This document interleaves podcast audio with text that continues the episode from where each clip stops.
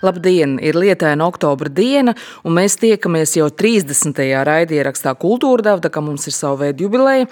Esmu Latvijas televīzijas raidījuma Kultūra Dava vadītāja Henrieta Verhostīnska, un mans viesis ir ļoti pieredzējis dokumentālo filmu un TV raidījumu režisors, kurš nu pat debitējis filmatrāžas spēles kino. Turklāt tik oriģinālā žanrā, kā mitoloģisks šausmu trilleris, kura darbība norisinās mežonīgā dabā. Un tas, protams, ir Uģis Oltes veiks. Uģi. Sveiki! Vispirms atgādināšu klausītājiem, ka Uģis Olte ir uh, gadu gadiem daudzu VFS studijas, kas kādreiz bija vidas filmu studijas, uh, studija, raidījuma režisors, ko varēja redzēt arī Latvijas TV zaļgalvis, literatūra, te, atslēgas, adreses ir zināmākie projekti. Vai tu urbies arī raidījumu saturā? Mm, teiksim, lasīja tās grāmatiņas, tās pašas, ko Gustavs Terzens un Marta Lietska literatūrē, vai, vai tev bija tomēr svarīgākais tas vizuālais raidījuma paskats? Mm. Dēļ tā iemesla, ka, ka mēs raidām sabiedriskajā mēdījā, un tur skatītājs varbūt arī iegadīties tāds, kuram varbūt nemaz neinteresē grāmatas, tad es pārstāvu to skatītāja pozīciju, un mums ir sadalīti uzdevumi. Gustavs un Marta lasa grāmatas, savukārt es reaģēju uz to, nu, pirmkārt, kas ir, kas ir kas notiek filmēšanas dienā. Es dzirdu, teiksim, par ko es sarunu, un, un nu, tādā dokumentālistu manierē, tu uzreiz izdomā, eh, kādus kodus atrast tur, kur mēs atrodamies, vai arī bieži vien mēs jau apmēram nojaušam, eh, kur tā sērija stūrēs, un, eh, un tad tas vietas, kurās atrasties vai uz kurām doties un, un, un, un, un vispār ko, ar ko miedarboties, jau ir tādi iepriekšēji lēmumi. Tā kā tas nav tikai saturs vai, vai vizuālais nodalīts, tas ir drīzāk vizuālais saturs, kurš kaut kādā veidā e, pakalpo tam, tam runātajam saturam. Un viņi viens kopā veido kaut kādu trešo saturu, einu sazin, kā viņu nosauksim. Žēl, ka klausītāji neredz kāds žestikulē, tad uzreiz viss kļūst daudz skaidrāk. Vai tu seko līdzi arī tam, kas notiek ar Mārtiņu ķibildu mantojumu? Piemēram, šobrīd Var iepriekš pasūtīt grāmatu, kas tapusi pēc jūsu raidījuma atslēgas, tad atslēgas gadsimta vēstures atradumi. Sekot līdzi, nē, bet es zinu, es zinu par tām idejām, un tur mums ir bijusi kaut kāda, nu, vismaz padomdošanas iespēja, bet cik es noprotu, nu, Mārtiņš, Mārtiņa darba metode bija ļoti tekstuāla, viņš, viņš lasīja izpētes materiālus, un tad viņš rakstīja nu, raidījuma tekstus, kurie, kuriem bija divi skatpunkti. Viens bija viņš, nu, piemēram, adresē, ne atslēgām, es atcenojos, atslēgām. Un, un pēc tam, pēc tam ot, otrs segments bija tāds vispārinātāks, nomierinātāks, atzumētāks skatpunkts, kas, kas piederēja tai brīvības pieminekļa saucamajai Mildai. Un, un, Kurai bija Gunas Zariņas balss. Ar Gunas Zariņas balss, jā. Nu, tad, tad mans un vēl divu režisoru, Daņa Kļaus un Reņas Pailes uzdevums bija interpretēt to, uzrakstīt to atkal kaut kādā vietas izvēlē, kaut kāda vizuāls norises iz, izpētē, arī, arī arhīvu atlasē un, un, un tajā saspēlē ar arhīviem. Bet, bet šī grāmata būs, būs balstīta uz tiem, tiem tekstiem, kas bija raidījumu nu, ierosa un viņu, viņu tāds tekstuālais pamats. Pat, bet laikam bez dižām atkāpēm, tas vienkārši būs dokuments, kurš ir sakārtots, noformēts un, un izdots vai raidījumi, pie kuriem tu strādā, kas ir tomēr izglītojoši raidījumi. Lielākoties gan literatūra, gan atslēgas un adreses bija, var teikt, arī izglītojoši raidījumi. Vai tie ir arī tava mazā universitāte, vai tu tur kaut ko esi apguvis? Nē, nu, bez šaubām, dzīvojot dzīvi, ir vislabāk sakārtot lietas tā, ka, ka katra diena ir kaut kādā veidā bagātinoša. Un, un, un šeit uh, Nu, pa Latvijas vēsturi es diezgan droši esmu. Vismaz tas, ko es noteikti trijos naktī pamodināts pateikt, kas ir sakārtojies, mazliet izpratni par to, kas notika 19. gadā brīvības cīņu laikā. Tas pirms tam man gan pēc skolas bija, bija putra ga, ga, galvā, un es pat domāju, ka, ja es nebūtu taisījis adreses arī dvēseli puteni, to filmu nespētu saprast, kurš tur kurā pusē, kurā brīdī atrodas, bet, bet tiešām tas vēstures posms bija tāds blenderis, ka, ka tur pat ir grūti, grūti sekot līdzi. Nu jā, un, un man, man arī viens no tādiem principiem vispār, jebkuru, jebkuru darbu uzsākot, ir vai e, šis um, projekts sola kaut kāda veida pirmkārt piedzīvojumu, kuru ir interesanti piedzīvot, un, un, un vai tam galā ir arī kaut kāda iespējama bagātināšanās. Un kurš ir bijis vislielākais piedzīvojums, ja runa par TV raidījumiem? Ziemeļa puse. Tas bija raidījums, kur, kuru mēs ar Gustavu Tarzenu un Martu Selecku veidojām no 2008. gada līdz, ja nemaldos, 2012. gadam. Un eh, tā bija principā jaunas valodas atrašana pašiem priekš sevis, eh, eh, nu, arī veids, veids kā attiekties pret, pret piedzīvojumu, ka tu Eh, esi nevis žurnālists, kurš nāk uz kameru, rāda ar pirkstu un stāsta eh, gudrības un uzdod jautājumus intervējumam tikai tāpēc, lai pārliecinātos, ka viņš jau visu zina pareizi. Bet, bet kad, tu ej, kad tu ej kā balta lapa eh, iekšā piedzīvojumā un ar to atbildību kaut ko tajā baltajā lapā ierakstīt. Un, un tas izrādījās kaut kas, kas skatītājiem ir, ir diezgan tūs. Un pēc šī paša principa īstenībā jau 14 gadus nu, uz, paš, uz tās pašas augsnes mēs audzējam arī visus pārējos tos piedzīvojumus vai kustīgos redzējumus. Tu esi arī diezgan daudz dokumentālo filmu veidotājs, un droši vien skatītājiem zināmākā ir tā, ko tu veidoji kopā ar Mortenu Travīku, atbrīvošanas dienu par grupas Laibaha koncertu Ziemeļkorejā. Un, tas bija gan grupas, gan arī vesels valsts, var teikt, portrets. Kas tur bija tas sarežģītākais filmējot šo filmu? Jo Ziemeļkoreja, kā zināms, kā mēs zinām arī no Manska filmas Saules staros, uzliek ārkārtīgi daudzus ierobežojumus. Nu, eh, es tagad eh, jau, jau dažus mēnešus esmu maģistratūras students Latvijas kultūras akadēmijā, mums eh, māca par performatīvajām, par performanci kā tādu. Un, un tas viens, viena, viena, vienā lekcijā iezīmējās jēdziens hiperteātris vai vispār, kas ir mūsdienu laikmatīgais teātris, kur ir ļoti nojaukta tā nu, laika nogriezes un, un arī nojaukta robeža starp kas ir skatītājs, kas ir dalībnieks.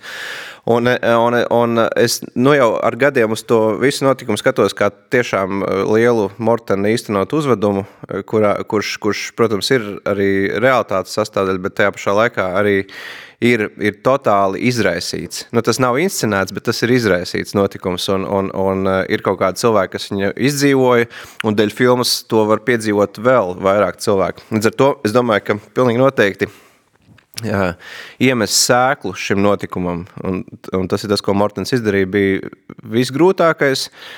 No filmēšanas viedokļa, nu, uh, mēs uz turieni devāmies principā divatājs un Valdis Celmiņš.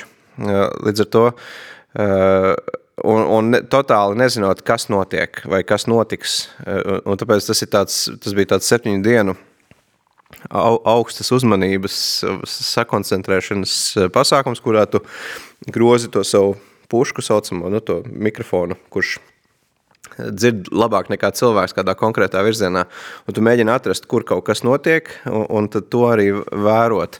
Un tas viss notiek gluži kā detektīvu filmās vienā slēgtā istabā tajā koncerta zālē, kur mēs katru rītu ierodamies un kur mēs katru vakaru dodamies prom. Un, un, jā, un turpat arī, paldies Dievam, nebija nekāda tāda spiediena, ka tur obligāti ir jāsnāk filmē. Mēs vienkārši dokumentējām notikumu, un tad pēc tam septiņām dienām bija skaidrs, nu, te, te arī varētu sanākt filma. Tā kā jā, grūtākais bija tas, tā, tā, to, to augstu uzmanību noturēt.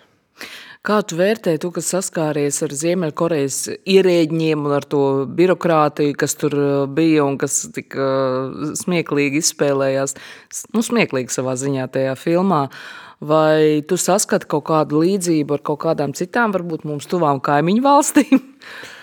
Drīzāk tas ir pats princips, kādā norit dzīve. Nu, ja, ja, ja mēs šeit, Eiropā, vai rietumos, kā saucam, nu, kā gribam, vai tieši uz robežas starp šīm abām pasaulēm, ļoti tiecamies katrs pats kaut kas būt un, un kaut ko izveidot un kaut ko sasniegt, tad man radās iespējas, ka, ka tur, tur cilvēki ir raduši funkcionēt kā kolektīvs. Uh, Nu, tad nav, neviens nekad neizleks ar iniciatīvu, tāpēc, ka tam vienkārši nav motīva. Nu, viņš labāk būs, būs uzticīgs sava, sava uzdevuma veicējs, kas, es domāju, nu, nezinu, tuvākais, kur, kur varbūt mēs spējam tā, tā sajusties, ka mēs neesam nekas vairāk kā kolektīva šūniņa, ir rokoncerti, sporta tribīnas un dziesmu sētki kā Aiks Karapetjāns bija ierakstījis Twitterī un dabūja par to pa galvu, ka viņš salīdzināja dziesmu svētkus ar, ar, ar šoviem, kas notiek Ziemeļkorejā.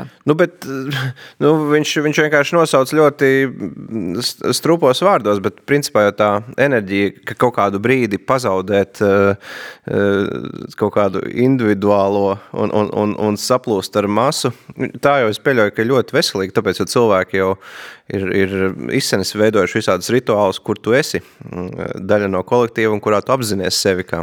Veselīgi, bet lielās devās droši vien bija. Nu jā, nu, paldies Dievam, bet tas ir, nu, cik pāris dienas, četros gados, un pēc tam turpinam savu individuālismu.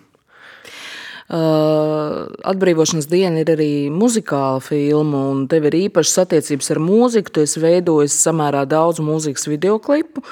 Arī tādiem mūziķiem un grupām kā Rudolfs Dankfelds, eh, The Sound Poets, eh, Carnival Use un arī grupai Instrumenti.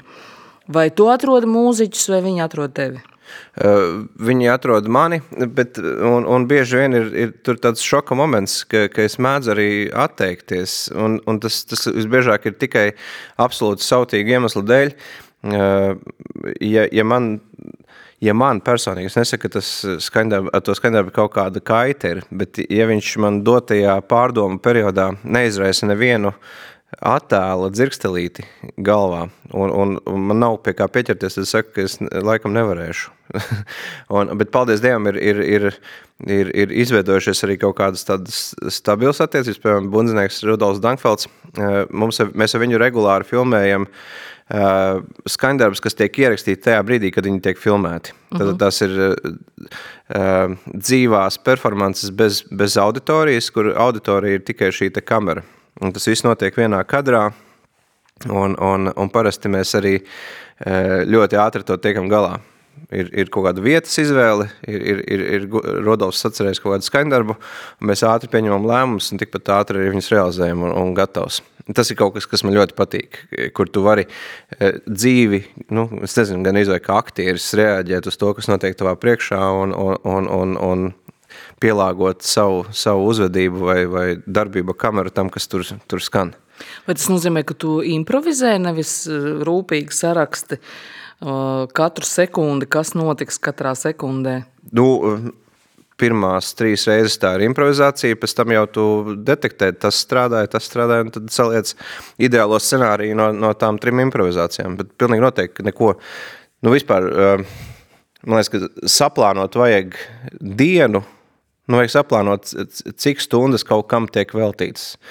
Eh, tad vajag saplānot, eh, saplānot nu, apmēram lietas, kuras mēs darām, bet to, to pēdējo lēmumu vienmēr vajag atstāt, man liekas, nu, kaut kādai spontanitātei un spēja reaģēt uz, uz, uz, uz lokāciju nu, vai, vai filmēšanas vietu, uz tiem tēliem, kas ir uzra, uzradīti un, un, un, un neturēties pārlieku pie tā papīrīša. Vai tas attiec arī uz lielās filmas filmēšanu, šis princips?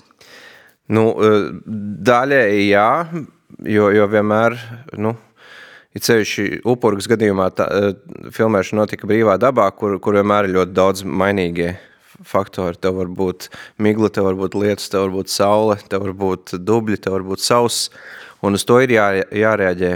Bet, bet šajā gadījumā eh, mēs filmējām nu, tiešām ar mikro budžetu, nevis pat mini, es nezinu, kā viņas tas sauc.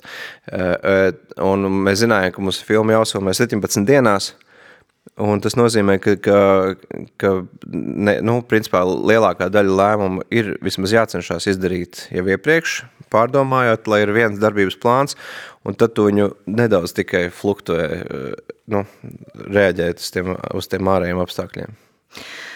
Tu jau minēji, ka tu esi iestājies Latvijas Kultūras Akadēmijas maģistratūrā. Starp citu, kādus bakalaurus tu beidzi? Es esmu diplomāts žurnālists tagad. Tad tu esi diplomāts žurnālists un šobrīd mācies uh, Kultūras akadēmijas režijas, kino režijas maģistratūrā. Uh, starp citu, kopā arī ar Andri Gauju, kas man bija liels pārsteigums, jo viņam jau ir diezgan daudz filmu. Un Dāvi Gauju, kurš savukārt ir zaļgalviem montāžas režisors. Lūk, tad jau tādi pieredzējuši kino spēki, kas mācās maģistratūrā. Un, uh, kā man atklāja viens no mācību spēkiem, tad tava maģistra darba tēma ir nedieģētiskā kino skaņa, jeb proti kino skaņa, kas nerodas kadrā, bet kas ir ārpus kadra un attēlo varoņu, varbūt tā teikt, iekšējo dzīvi. Kāpēc šāda interese par šādu skaņu? Nu, es esmu detektējis, ka, ka kurā brīdī man vispār kino vēstures tā, tā laika līnija sāk patiešām interesēt. Tas ir tie brīži, tas brīdis vai tie brīži, kuros kāds izdomā skaņu lietot abstraktos veidos, nu, kur, kur skaņa nevis ilustrē to, kas ir redzams kadrā vai papildina to vidi, kas, kas ir redzama kadrā, bet kur, kur skaņai jau ir kaut kāds nu, kāda tēlainība. Nu, un, un tad, kad es to sapratu, tad es arī par sevi kaut ko uzzināju, ka, ka laikam es esmu diezgan lielā mērā skaņas cilvēks, man, man tas, tas interesē. Interesanti atzīšanās kino režisoram. Jā, un es arī izlēmu, ka es vispār par to nekautrēšos un, un drīzāk, drīzāk mērķiecīgi patēmēšu tajā virzienā. Un man, man arī skatoties filmas, nekad nav interesējis tas tagad modē esošais eh, sociālais realisms, kur, nu, principā, filmās notiek lietas, kuras var notikt arī dzīvē. Man laikam vienmēr ir interesējis tas, kas ir, ir eh, nu, lielāks nekā dzīve. Nu, teiksim, atbrīvošanas dienas gadījumā gadījās notikums, kurš pats par sevi ir neticams. Eh, kaut kādi slovēņu avangarda grupa koncertē Ziemeļkorejā. Tā dzīvē nenotiek. Eh, bet, bet ja ir runa par, par aktieru filmā, tad es noteikti vienmēr skatīšos tās, kurās ir kaut, kaut kas nereāls vai kaut kas, kas, kas realitātē nevar būt. Nu, tāpēc Tāpēc arī eh, skaņa, skaņa kas, kas ehm, būvē nereālo slāni, filmā man interesē. Un šeit es gribētu lūgt skaņu režisoru atskaņot vienu skaņdarbu no tavas pirmās filmas Upūra, proti Blossoming.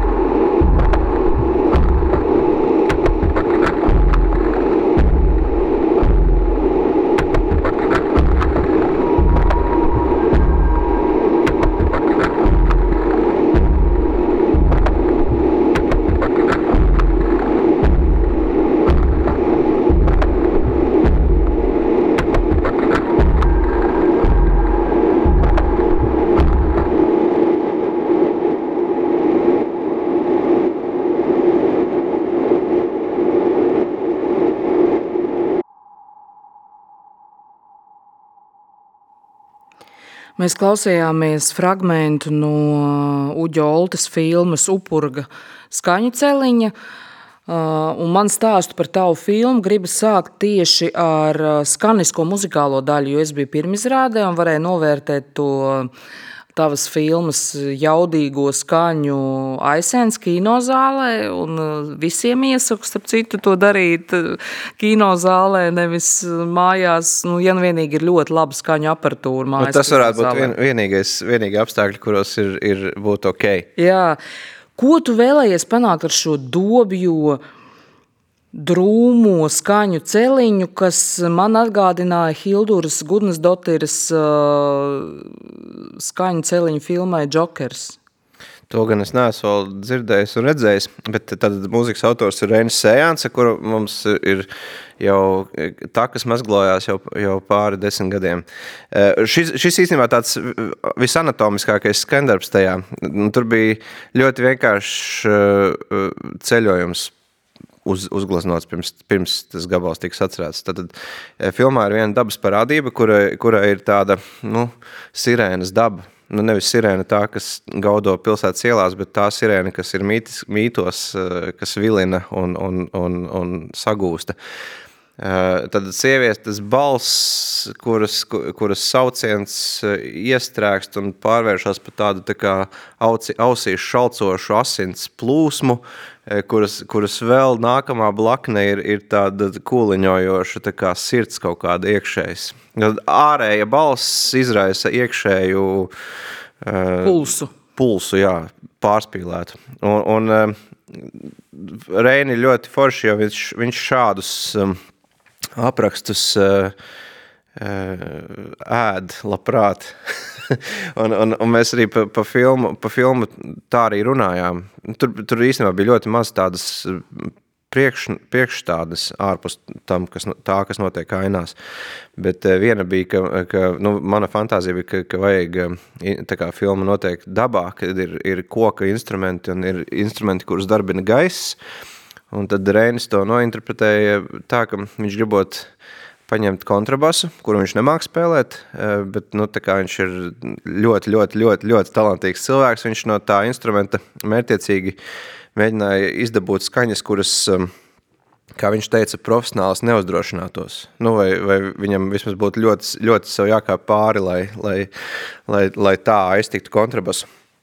Un Viņš šos eksperimentus eh, ierakstīja, un, un tad ar viņiem kā tādu eh, malkas pagalīšu kaudzīt jau sāka, sāka darboties. Un arī eh, mēs nedarījām, mēs drīzāk darījām tā kā, tā kā mēs darām televīzijas radījumos, kur Reinis sagatavo tādus muzikālus konstruktorus, kuri skaņu elementi, kuri puslīdz nu, ir harmoniski, un no kuriem montāžas režisors var pats būvēt skaņdarbu.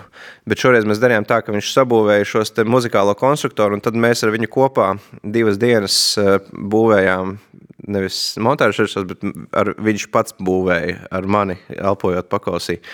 Uh, un tā, tā uztapa šīs te skaņu, skaņu ainas. Bet tā secība bija kāda, tas skaņu celiņš jau bija, viņš tapa jau gatavai filmai. Vai tā kā Imantam Kalniņam pūt vēņos, varbūt tu zini, Gunāra piešu filmā, viņam bija jau gatava mūzika, kur tika atskaņot filmēšanas laukumā, un, un lielā mērā darbība tika pakārtota tam. Nu, tad, tad, tas ir tāds dēļa žanrs. Mums, bija, mums viens skandarbs uh, bija spiesta vajadzība. Uh, viņus atcerēt pirms tam. Tur ir tāds stāsts par, par violnieku, kurš uh, atrada vai nu nezinu, kaut kādu saprātu vai neprātu, un, un kuru simbolizē viens violas skandarbs. Kails Kāls piebildu. violnieks, jā, kurš sēž iesēdies līdz dibenam vecupē. Eh, Un šo, šo skaņdarbu Reinim nācās sacerēt pirms tam, un tas principā ir viena no tādām eh, filmas, nu, gan tonālajām tēmām, gan arī muzikālajām. Eh, Un, un to, to gan mēs atskaņojām uz laukuma, jo tur bija arī violniekam bija vienkārši roku kustības.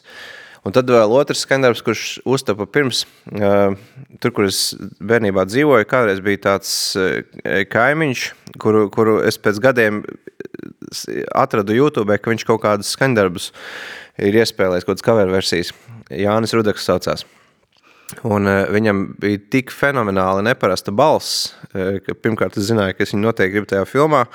Un, un uh, viņam arī, arī uh, tika iedots tas violas skandarbs, kur, uh, kuram viņam bija jāsacer kā, prologs ar akustisko ģitāru tādā, tādā ļoti vienkāršā manierē un ar, ar, ar dziedājumu. Un, un tas arī bija kaut kas, ko mēs ierakstījām jau pirms filmas filmēšanas un, un, un atskaņojām uz laukuma. Pārējais viss ir, ir, ir pēcdarbi. Upurgara filmu beidzot mazliet atklāsim no sižeta, drusciņi nespoilerējot uh, klausītājiem, kuras laikā galvenais varonis Andrejs, ko atviedo Igors Šelegovs, kas meklēja braucienu laikā pa upi pazudušo māsu, un viņas kompāniju, viņas kolēģus, kur ieradušies dabas parka teritorijā, lai filmētu mārketinga video par veģetārajām desiņām. Un viņš sastopa noslēpumainus vietējos, un uzzina arī leģendas par to, kas ir noticis gan šajā upē, upurga, gan tās vecupē. Un viņš sastopa vai nu uzzina, vai nojauš drīzāk. Vai nojauš. Viņš arī, viņš arī sastopa pagātnes rēks, bet tālāk nespoilerēsim. Tu scenāriju rakstīji kopā ar diviem līdzautoriem, bet ideja bija tava. Nu, ideja ir mājās izfermentēta. Tur ļoti liela ietekme ir arī manai sievai Lāsmai Oltei, kas principā, uh, nu, bez kuras es neuzzinātu daudz uh, tādas kaut kādas arhetipiskas sievišķības uh, noslēpumus, vai vismaz nebūtu piedzīvojis. Un, un, un, nu, jā, pirm, pirmais melnraksts bija nu, pirmkārt stipri pa garu, un viņš bija, bija tāds, tā kā tāds iekšu izvēmiens uz papīra. Nu, es vienkārši dragāju, lai tiktu līdz finišam, īpaši nedomājot par to, vai tur viss kaut kā kārtojas. Un pēc tam eh, mēs Oldi Cekuli braucām uz, uz eh, Tallinas festivālu Black Nights, kur parasti paralēli notiek kaut kādi eh, filmu industrijas pasākumi. Un viens no tiem bija jaunu scenāristu prezentācijas savām idejām. Nu, viņi prezentē kaut ko, kas nav vēl uzfilmēts. Un mēs braucām uz turieni kā uz tādu aktieru atlasi, vienkārši atrast, vai kaut kur gadījumā kāds neizskatās puslīdz radniecīgi dvēseli. Un tā mēs satikām uh, serbu scenāristi Bojanu Babiču un uh, brazīļu scenāristu Lukas Abrahau, uh, kuri, kuri, kuri tajā laikā bija studenti Tallinas filmskolā kaut kādas starptautiskas apmaiņas programmas rezultātā. Un mēs viņus uzaicinājām, un viņu uzdevums bija, bija to manu nefiltrēt, nefiltrēto gārdzienu uz papīra.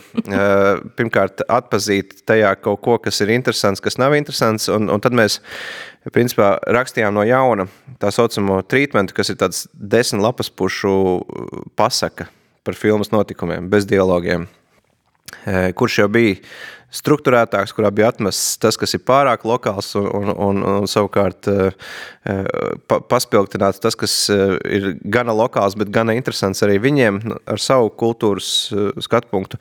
Un tad es rakstīju scenāriju pa jaunam.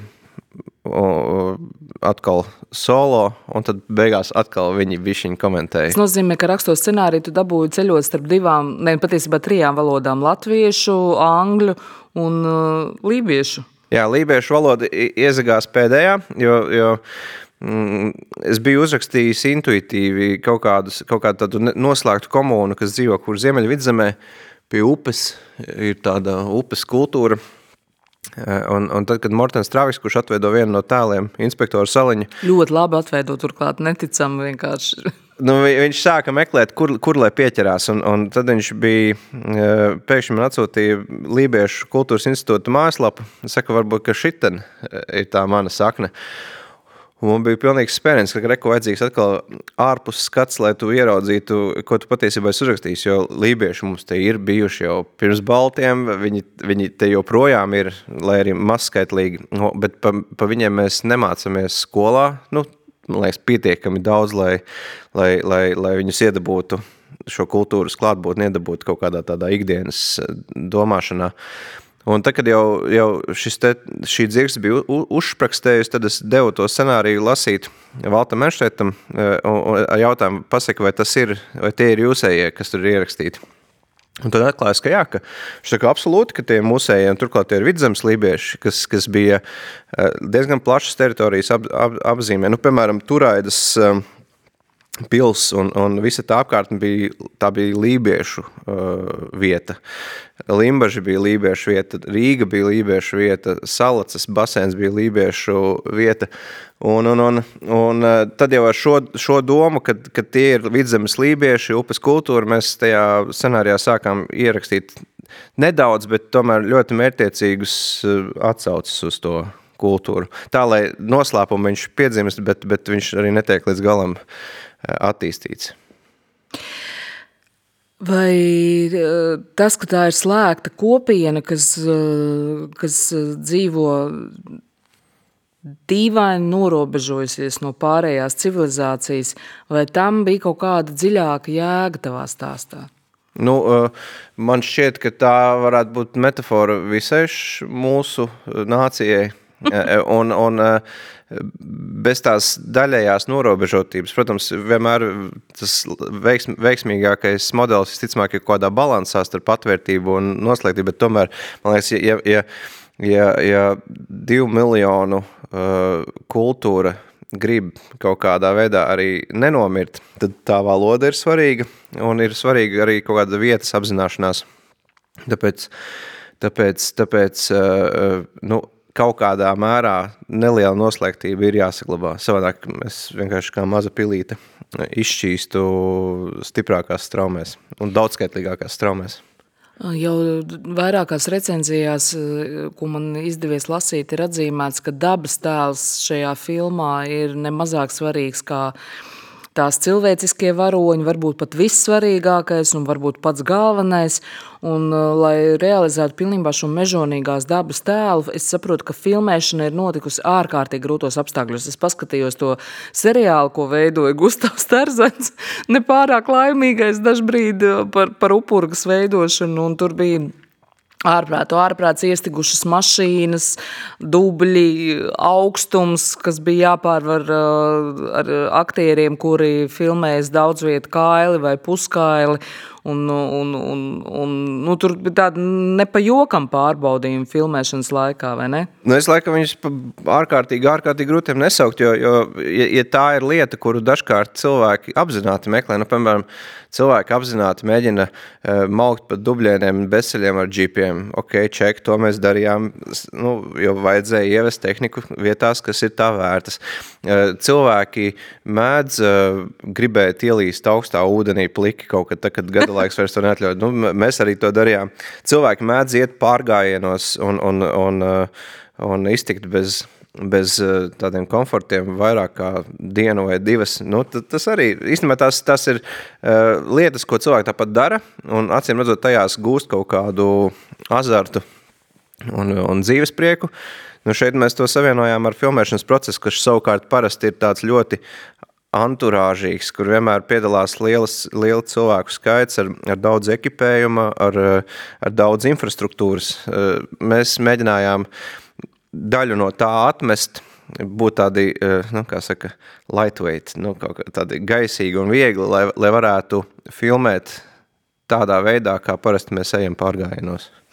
Nu, droši vien tieši tāpēc, ka es nekad neeju pārgājienos un esmu absolūtais komforta cilvēks, kurš nevar bez siltas vannas un, un uh, dīvāna, kurā es varu lasīt savu grāmatiņu, tad man likās, ka šie apstākļi, kurus es redzēju šajā seriālā par upurgas tapšanu, ka tie ir kaut kas nu, tāds pilnīgi absolūti ekstrēms. Bet Kā... es arī neju, es arī neju pārgājienos. Es domāju, ka, ka mums ģimenē cits, cits brālis, kurš ar to nodarbojās. Mārsolti. Jā, un es pieļauju, ka, ka, ka iespējams tieši tāpēc es sagādāju sev tādu um, vajadzību vai, vai nu jau uh, nepieciešamību kaut kādos tādos apstākļos kaut ko padarīt, lai vienkārši piespiestu sevi normāli mēnesi padzīvoties svaigā gaisā rudenī.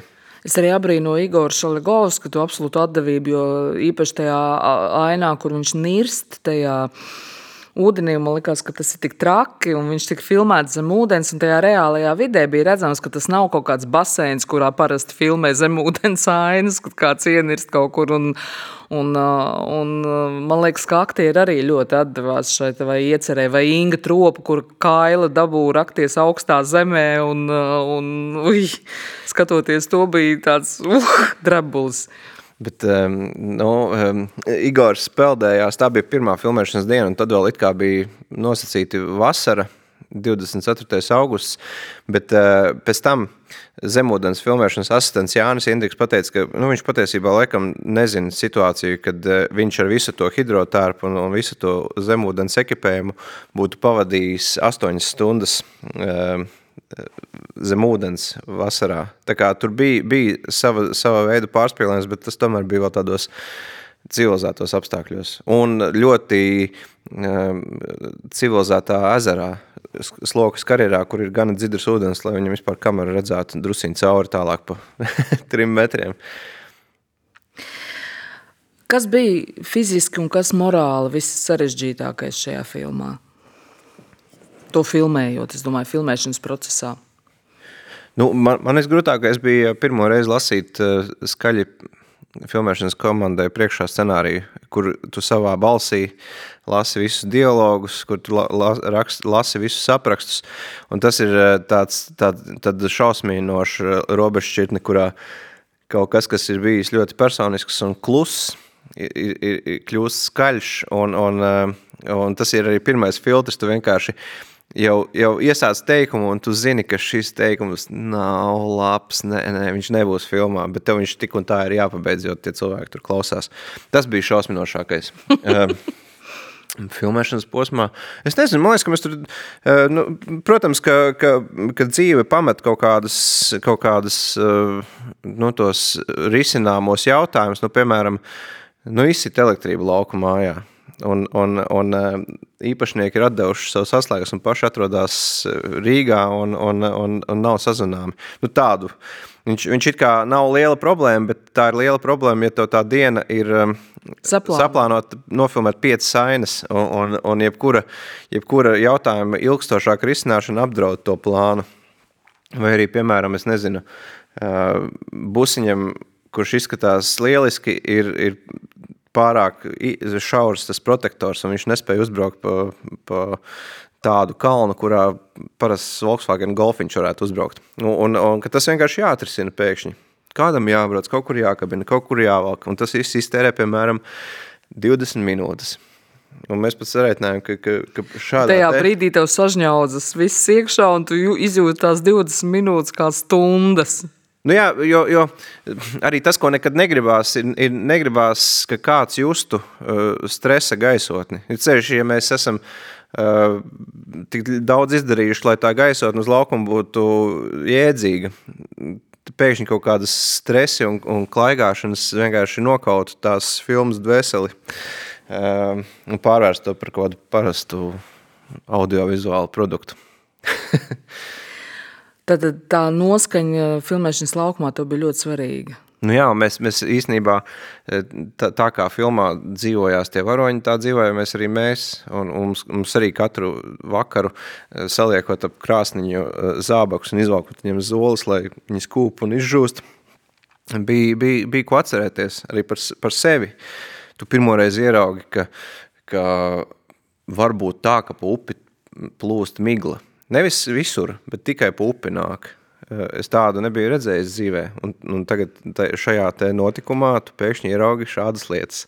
Tas ir, tas ir, tas ir eh, piedzīvojums, un tas ir tas, kas, eh, kas, kas pēc tam pārtulkojās kaut kamā, ko cilvēki sauc par, nezinu, garu vai dvēseli kaut kādam darbam.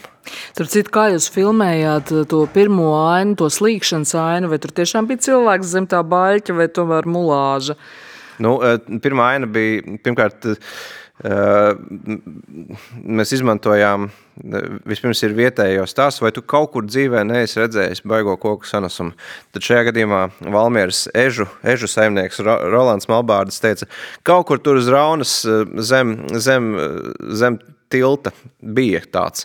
Tad tu vari vaļā Google Maps, eh, ieslēdz to satelītu kartas režīmu un, un ej pa upi, skatīt, o jā, reku baigais ir koki sabiruši. Tad tu brauc skatīties. Un mēs atbraucām skatīties un, un bija pavasara, nu tādi vēlie pavasara pali un tas ūdens bija vienkārši tāds, ka, ka Nu, ka pat Valdim Celmiņam, kurš ir kā upes cilvēks, viņam, viņam arī bija tāda ga, gara seja. Šita naktierus ielikt, ok, nē, nu var būt. un, eh, protams, četras dienas vēlāk, kad mēs tur braucam filmēt, eh, ūdens nogājis pusotru metru zemāk, bet tik un tā ir, ir, ir diezgan ska, skanoši un, un baisi Un tad to, tad to slīcēju uh, spēlēja operatora māsīca, uh, kurai Valda māsīca. bija akvalanks, un tā viņi tur varēja atrasties, uh, cik vien vajag. Bet, bet, un savukārt tikko kadra robežas tur uh, bija trīs, trīs džeki, kas bija gatavi viņu ķeksēt un raut ārā, ja kaut kas tur noiet greizi. Tā kā, jā, tas ir īsts cilvēks, un, un tā ir īsta upe, kuru mēs, nu, principā, necik nepārveidojām kā tur tas ūdens brāzās, tā viņš brāzās, un četras dienas iepriekš būtu vēl šausminošāk brāzies. Atgādinu klausītājiem, ka pie manas kultūra devas raidierakstā ir režisors Uģis Olte, un mēs šobrīd runājam par viņa pirmo filmatrāžas spēļu filmu Upurga. Es, vai taisnība, ka jūs filmējat arī ogres upē pie taviem dzimtajiem ērgļiem? Nu, mēs filmējām tikai tur izņemot dažas ainas, kas ir filmētas turēdas uh, krastos. Specifiski iemesla dēļ uh, ogres vecupes ir, ir um, plakanas lielākoties, bet šeit vajadzēja tādu, kur ir vecupe, kas ir šaura, gara un kurai nāk klāt uh, klinšaina nogāze, un tādas ir tikai gaujas baseinā kaut kur virs Siguldas, un tad augstāk tur pie Gaujienas. Un, un, un, un tad es liku lietā bērnībā apgūtās orientieris zināšanas, un uh, es skatījos visas sporta kartas pēc kārtas, kas ir pie Gaujas, lai atrastu nu, vienkārši topogrāfiski kaut ko, kas izskatās pēc tā, kas vajadzīgs. Un, un tad mēs ar Valdu Celmiņu braucām skatīties un atradām nevienu to vecupi, bet mēs atradām arī tādu smilšakmens kaņoniņu, kurš tur blakām, kur kas ir neparasta to, ka tur vecākie tie klinšu iekasījumi ir eh, ap 19. gadsimta beigām. Tad tur, tur pēc tam kaut kādu iemeslu dēļ cilvēki nav līduši iekšā un nav klintis kasījuši. Nu labi, tur bija varbūt 40. gados vēl kaut kaut ko iekasījis, bet pilnīgi noteikti tāda savā ziņā neskarta vieta, tāpēc arī es viņu gribētu pārlieku un nekladzināt ārā, jo, lai viņa tāda arī paliek ideja par uh, to dabu, par to dabas tēlu. To arī strādā VFS studijā, kas arī ļoti daudz uh, veido gan raidījumus, gan, gan filmas par, uh, par dabu. Tas tev ir kaut kas, kas tev ir ikdienā nepieciešams. Tu ikdienā dzīvo arī tev brālis Mārs Olt, kā mēs zinām, ir dabas raidījuma veidotājs un pārgājienu vadītājs vai tev tā daba ikdienā ir tik nepieciešama, vai tev tā vairāk ir tāds mitoloģisks tēls, kam tu vienkārši pieskāries uz filmēšanas laiku?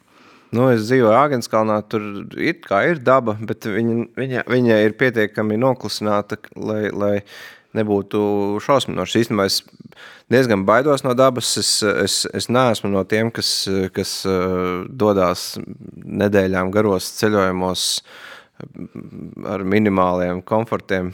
Uh, Es drīzāk esmu no tiem, kas, kas ieiet, ieiet mežā uh, uz vienu dienu uh, un, un, un, un sajūt respektu pret to, ka, ka, ka tas viss, kas tur, ko tu tur piedzīvo, ir daudz, daudz, daudz sanāks, ar daudz, daudz, daudz sanākiem likumiem, un, un to var tikai būt, būt uh, nu, bi, bijīgs tā priekšā un, un apzināties, ka tu esi no turienes izlīdis, ka, ka, ka tas, tas viss ir tevī, bet, bet uh, Bet eh, pasaka Dievs uzdrošināties spēkoties. Man liekas, ka daba mūs vienmēr nomačīs vienos vārtos. Jā, jo TVNet recenzijā es atradu šādu citātu.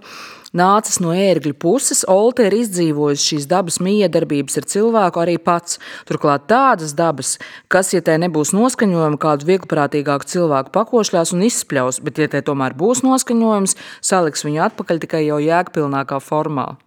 Nu, varbūt tas arī ir īsā filmas uh, sižeta izklāsts.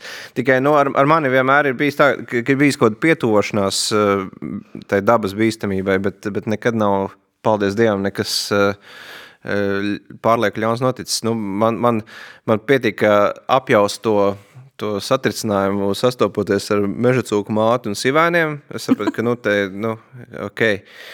Mēs varam tikai eh, kliegt viens uz otru un, un, un notīties katrs savā virzienā.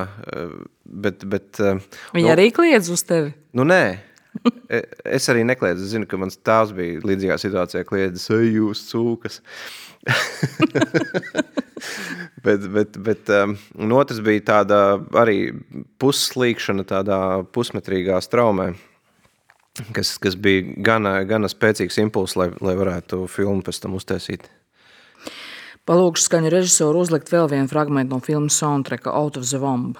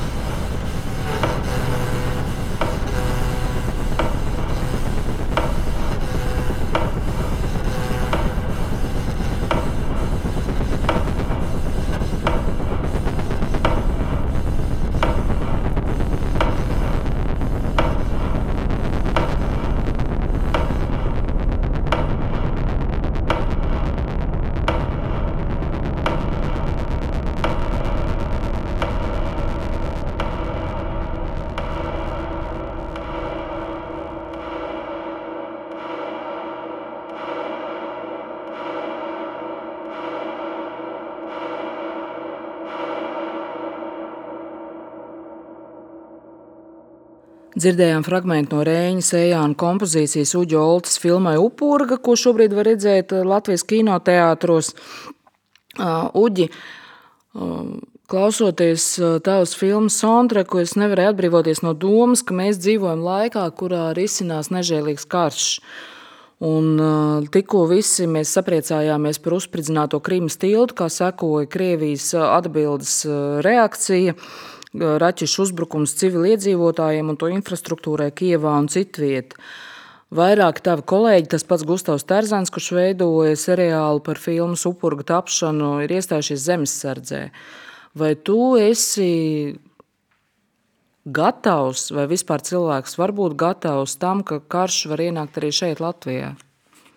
Es domāju, ka kaut kam tik šausminošam vispār nevar būt gatavs. Var, varbūt tikai fiziski gatavs kaut ko pārvarēt vai piedzīvot, vai varbūt arī izkopt kaut kādas zināmas prasmes. Es, cik es noprotu, zemesargi tieši ar to nodarbojās, ka viņi jebkuram cilvēkam, pat ar varbūt mazu puncīti, var iemācīt uzvesties adekvāti. Un tas, man liekas, ir ļoti būtiski. Pats es, man visu laiku tirpina šī, šī, šī vēlme. Nu, es, es, piemēram, piedzīvoju tādu transformāciju, kā man bija kaut kādi 18 gadi, es biju ārkārtīgi apmierināts, ka es kļūstu par studentu. Man, man nav jā, jānodarbojas ar obligāto kara dienestu, bet īstenībā pagāja kaut kādi desmit gadi. Īstenībā, kad piedzimst dēli, tad es sāku īstenībā gribēt, ka kaut kas tāds ar mani būtu noticis, ka, ka es būtu kādā brīdī iemācījies pirmkārt pakļauties disciplīnai, eh, arī tikt kaut kā ierāmēts. Nu, kā, Man liekas, ka tas jebkuram cilvēkam būtu veselīgi. Un, un, un tagad es patiesībā esmu ļoti priecīgs, ka, nu, savukārt man dēli, kas tagad jau tuvojas pusauģu gadiem, ka viņiem atkal būs šī iespēja.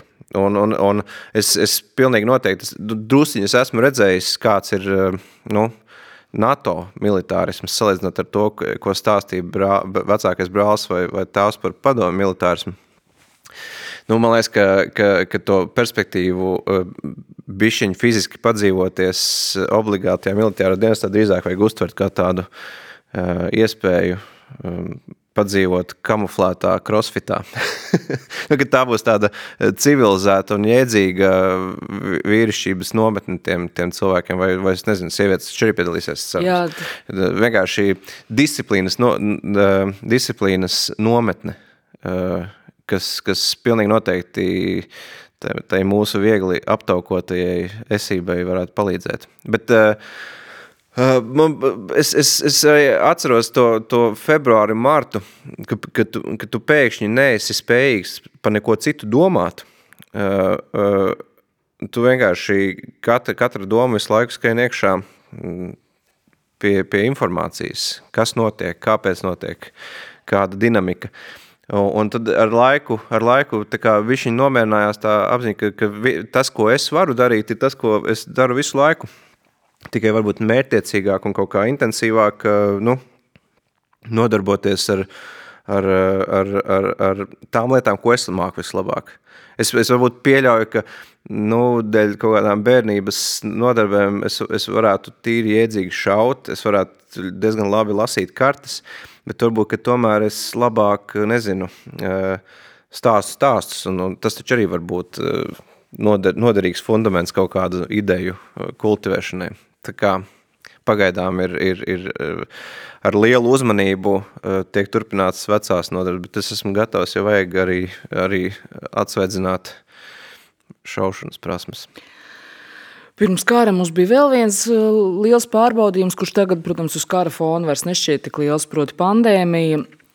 Un, uh, tas, kā Latvijas sabiedrība sašķēlās pandēmijas laikā un turpina šķelties tagad uh, kara Ukrainā laikā, tas, protams, vedina uz kaut kādām pārdomām. Vai tevi tas ir uzvedinājis uz pārdomām, kas notiek ar mūsu sabiedrību un kā, tieksim, tieši vadoties pēc attieksmes gan pret to, uh, potēties, nepotēties savu laiku, gan tagad attiecībā pret karu? Vai tas tev ir uzvedinājis uz kaut kādām pārdomām, iespējams, rūktām, bet iespējams arī pozitīvām par mūsu sabiedrību? Nu, Pirmkārt, pati pandēmija man, man šķiet ļoti melns humors, ko izspēlē daba, kā atbildi globalizācijai. Nu, ok, ja jūs varat nokļūt sešās stundās no Pekinas līdz, līdz Londonai, tad lūdzu, pārbaudām, pārbaudām šādu aspektu. Un, un uzrādās kaut kāds dabas, dabisks, visticamāk, izcelsmes eh, fenomens, kurš, kurš pārbauda, nu, ko tad jūs cilvēki darīsiet tagad, ka jūs esat tik ļoti ātrām saitēm savienojuši to savu globus. Un tā ir krīzes situācija, un krīzes situācijā vienmēr man liekas, ka uzreiz uzpeld virspusē tas, cik cilvēks ir izglītots.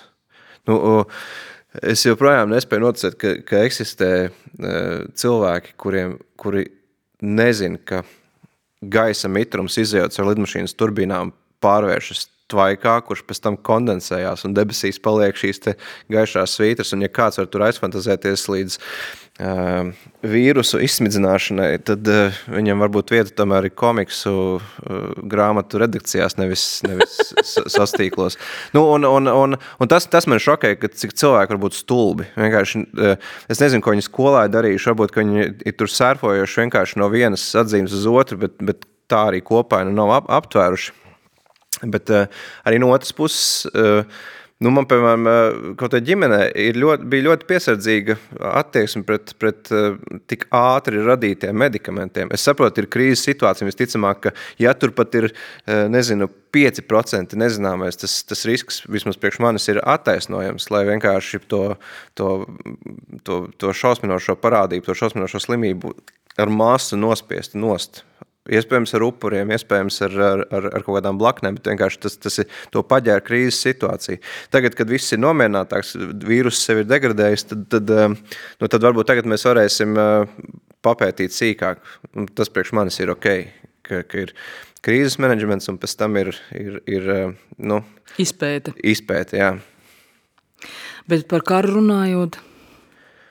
Oi, nu karš, karš Es ceru, es ceru ka, ka, um, nu, ka ne, nepavēlti mēs kaut kādas jaunas lietas visu laiku apgūstam, un ka varbūt arī uh, šis karš parādīs tas, ka veco laiku uh, cilvēka vērtību vai cilvēka dzīvību nerespektējošā uh, valstiskā struktūru domāšana uh, pierādīs sevi kā, kā relikts. Un ka uh, ka, ka humāna, tāda globālāka un, un precīzāka operēšana uh, izrādīsies kā uzvarošā stratēģija. Vai tev nebiedē tāda lieta kā naids, kas ļoti akumulējas šajā situācijā? Un nu, kas kļūst leģitīms un kas kļūst uh, pat apsveicams? Nu, bet, uh, viņš acīm redzot ir, un, un tad, tad, tad rodās katalizējoši apstākļi. Un, uh, problēma ir tajā nevis, ka rodās katalizējuši apstākļi, bet tajā, ka viņš ir. Un, un, un, eh, nu, tik ļoti ātri eh, ir pārvērtušās, piemēram, virtuves sarunas ar draugiem, kurā tiek apspriests, vai vajag teikt padomi cilvēki vai tomēr krievi, kad tagad tomēr saka vienos vārdos, ka krievi.